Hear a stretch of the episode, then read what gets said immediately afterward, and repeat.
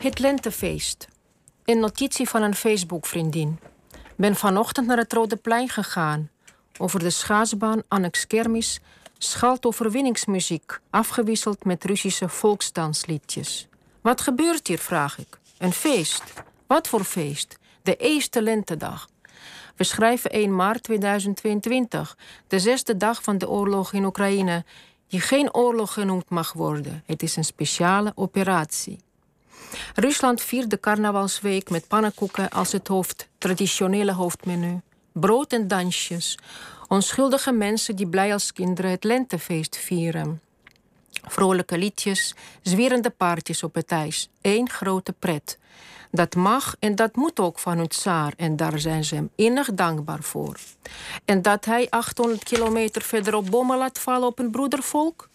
Zijn populariteit zou van 60 naar 71 procent zijn gestegen. De Russische ziel blijft voor mij één groot raadsel. Al jaren probeer ik er iets van te begrijpen.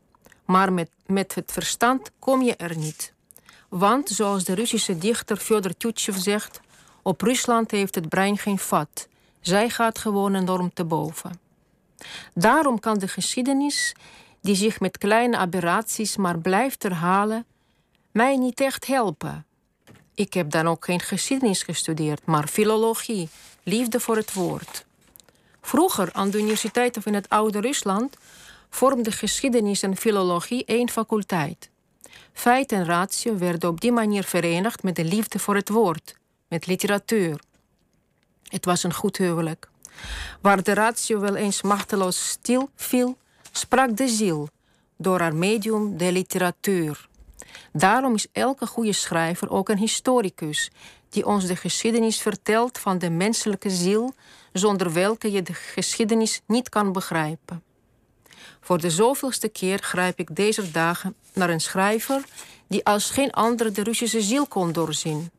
En die, zou hij nog geleefd hebben, niet echt verrast zou zijn door wat zich nu afspeelt in het voormalige imperium, terwijl wij, met al onze kennis en expertise, technologieën en inlichtingendiensten totaal zijn overrompeld en naar adem happen.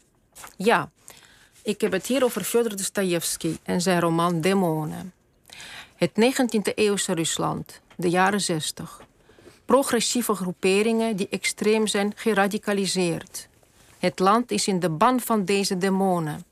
Zij komen bij elkaar om de toekomst van Rusland te bespreken, dat zucht en kreunt onder het autoritaire regime.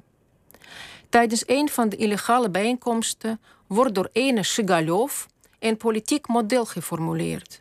En nee, het is geen sociaal-democratisch model, want dat is te saai, te juridisch, te klemmend en te burgerlijk. Rusland houdt van grenzeloosheid en grote gebaren. Shigalov verdeelt de mensheid in twee ongelijke delen. Een tiende deel krijgt persoonlijke vrijheid en een onbeperkt beschikkingsrecht over het overige negentiende deel. Deze laatste moeten hun persoonlijkheid verliezen en een soort kudde worden en middels hun onbeperkte gehoorzaamheid hun oorspronkelijke onschuld terugwinnen. Terug naar het paradijs, kortom. Maar dan een paradijs waar ze hard moeten werken. Met af en toe pannenkoeken en dansjes. Dit alles gebeurt door middel van herscholing van hele generaties. Vanaf 1917, toen de demonen het oude Rusland hadden opgeblazen, zijn er bijna vijf generaties herschoold, met de massaterreur van Stalin als hoogtepunt. En nu bedreigt het model van Shigalov de hele wereld. Wat wordt het volgende hoogtepunt? Ja, Sana Valjulina, dankjewel. Jij gaat nu geloof ik als een speer naar Buitenhof... waar je straks te zien en te horen bent. Fijn dat je bij ons was. En uh, Boze Geesten heet geloof ik de uitgave in, in Nederland. Hè? De, de, demonen lezen alle